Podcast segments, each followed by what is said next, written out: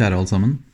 Nåde være med dere, og fred fra Gud vår Far og Herren Jesus Kristus. Da var vi et par uker inn i nedstengninga her i Bergen. Og jeg må si at eh, jeg savner å treffe dere i St. Jakob. Det er lett nå å bli gående og tenke på alt det gøye vi hadde tenkt å gjøre, som vi nå ikke får til. Men det finnes alltid noen lyspunkt.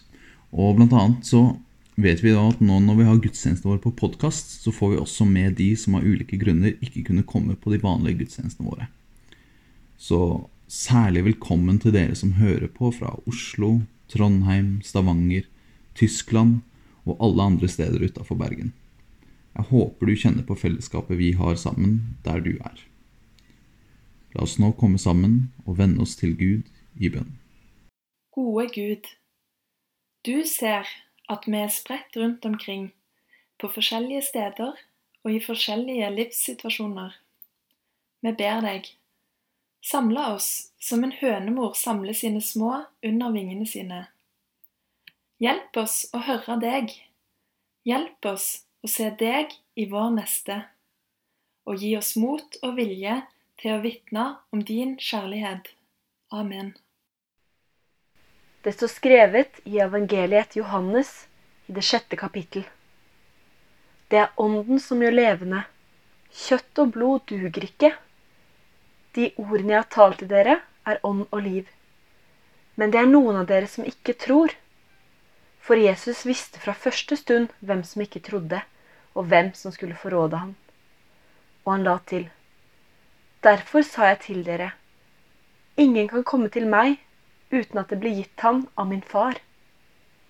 Etter dette trakk mange av disiplene seg unna og gikk ikke lenger omkring sammen med han.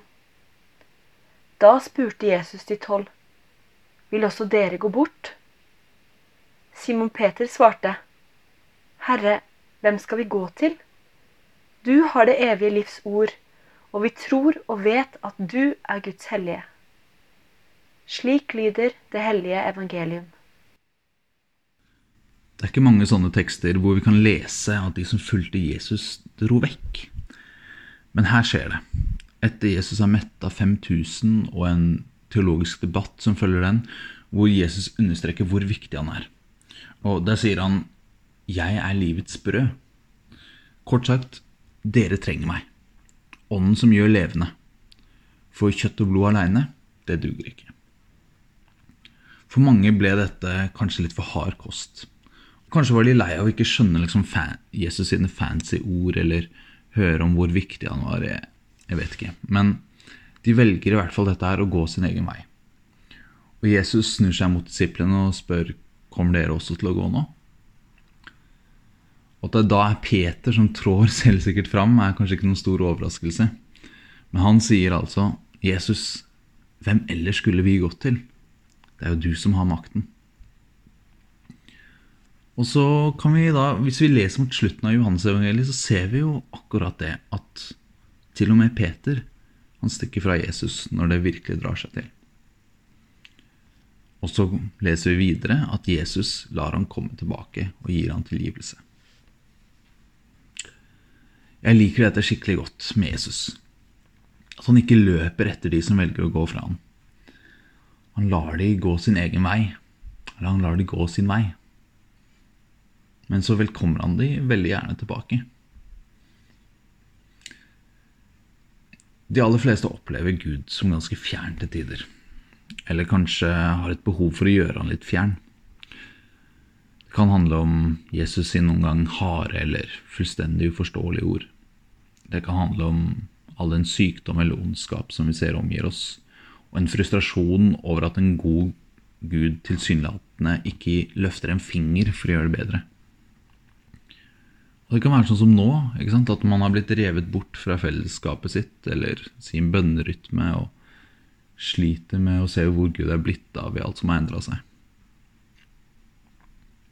En ting jeg liker utrolig godt ved folkekirka, er at det er rom for å føle akkurat dette her.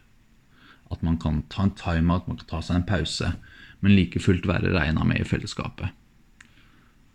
At om du ble konfirmert, da, og neste gang du var i kirka, var da du ble gift, eller da du hadde mista noen du var glad i og var i en begravelse. Du er like fullt en del av kirkas fellesskap som noen andre, hvis du selv ønsker å være det. Og Jeg tror det er sånn for mange at man opplever det særlig sterkt når de store tingene i livet inntreffer. Det samme som Peter sa. Hvor skulle jeg ellers gått? Jeg håper vi i St. Jakob klarer å bygge et fellesskap som det her, hvor det er mulig å knytte seg tett opp mot fellesskapet, få tilhørighet og venner, men det samtidig er rom for å ta pause om det føles riktig. Hvor man kan være borte en stund, men høre 100% til i det øyeblikk man ønsker å komme tilbake. Til hver søndag så er det alltid en tekst med en fortelling fra Bibelen ved siden av prekenteksten. Det kalles fortellingstekst. Og Denne søndagen er fortellingsteksten en historie hvor disiplene er på seiltur på Genesaretsjøen.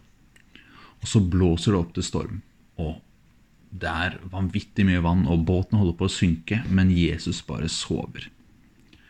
Og når situasjonen virkelig er blitt kritisk, så vekker disiplene Jesus og spør hvordan kan du sove? Bryr du deg ikke om at vi går under her? Og Jesus bare Hvorfor er dere så redde? Jeg er jo her. Har dere ingen tro? Så reiser han seg, står opp mot stormen og sier, 'Bli stille'. Og vinden legger seg, og det blir blikkstille. Rundt år 400 skrev kirkefaderen Augustin en preken om akkurat denne teksten.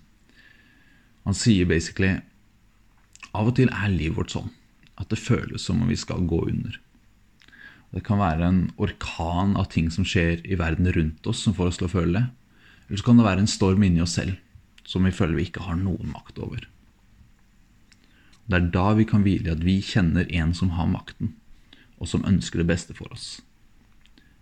Og selv om det kanskje av og til oppleves som han sover, så er han aldri langt borte fra oss for han lever i hver enkelt av oss.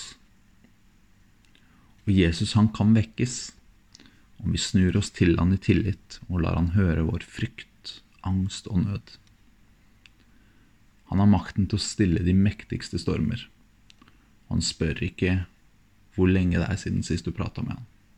Han sier bare 'frykt ikke', tro på Gud og tro på meg.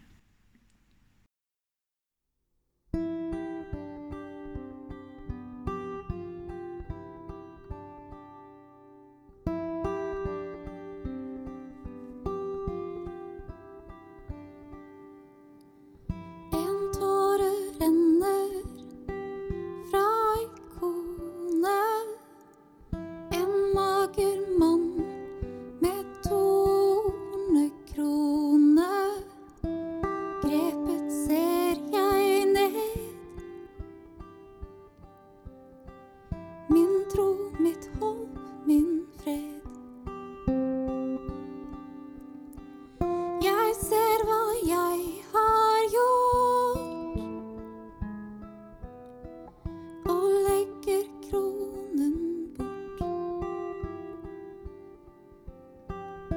страх.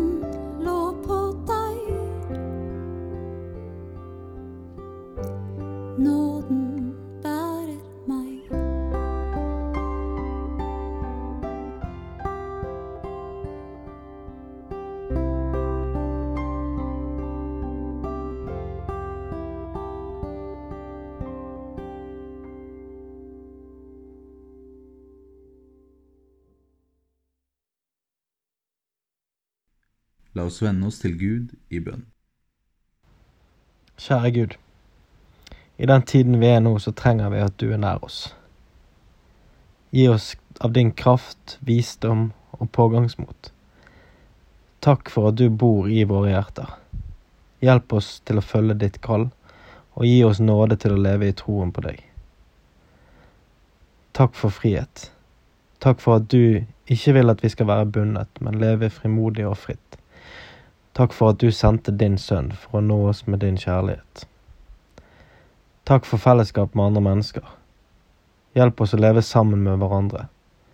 Gi oss et åpent sinn i møte med mennesker av en annen tro eller overbevisning, så vi taler sant om hverandre.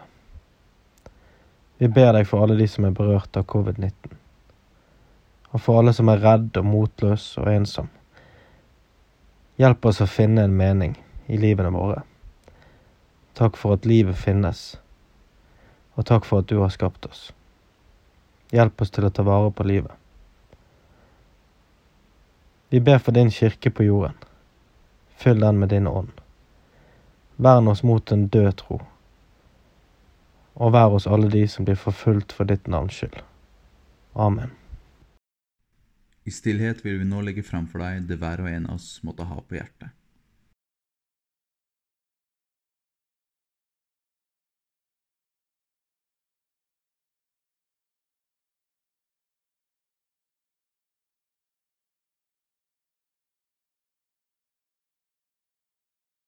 Gud skap i oss tro, håp og handling.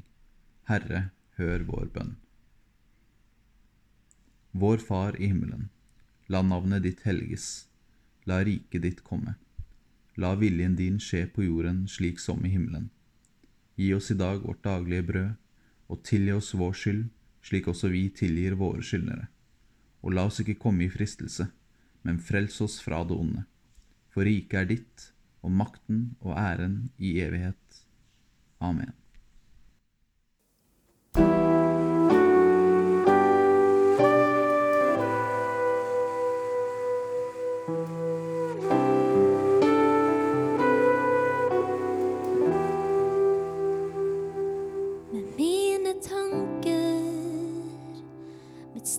Smil, to trette hender og hjertet.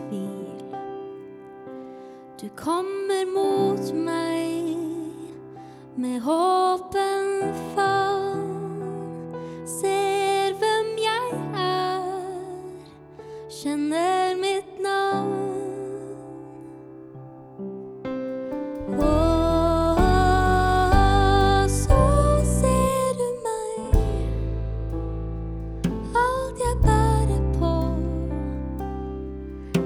Jesus, du forstår.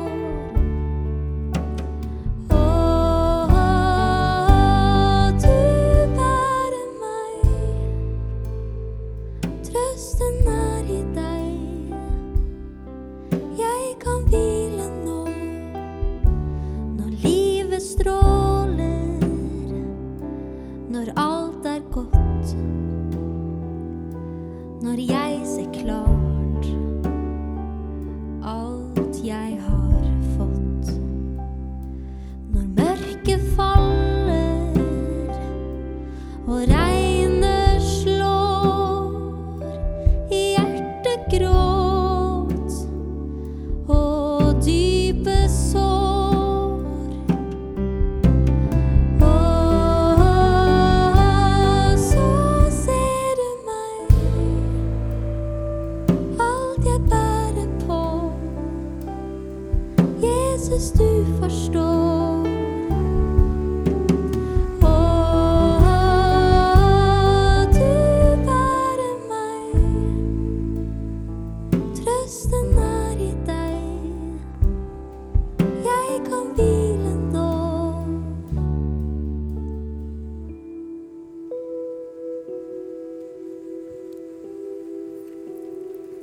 Ta imot Herrens velsignelse.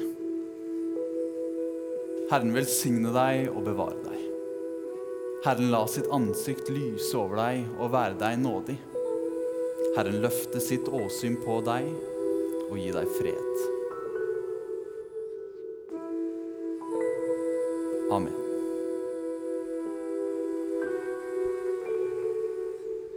Takk Gud for mitt liv, hver dag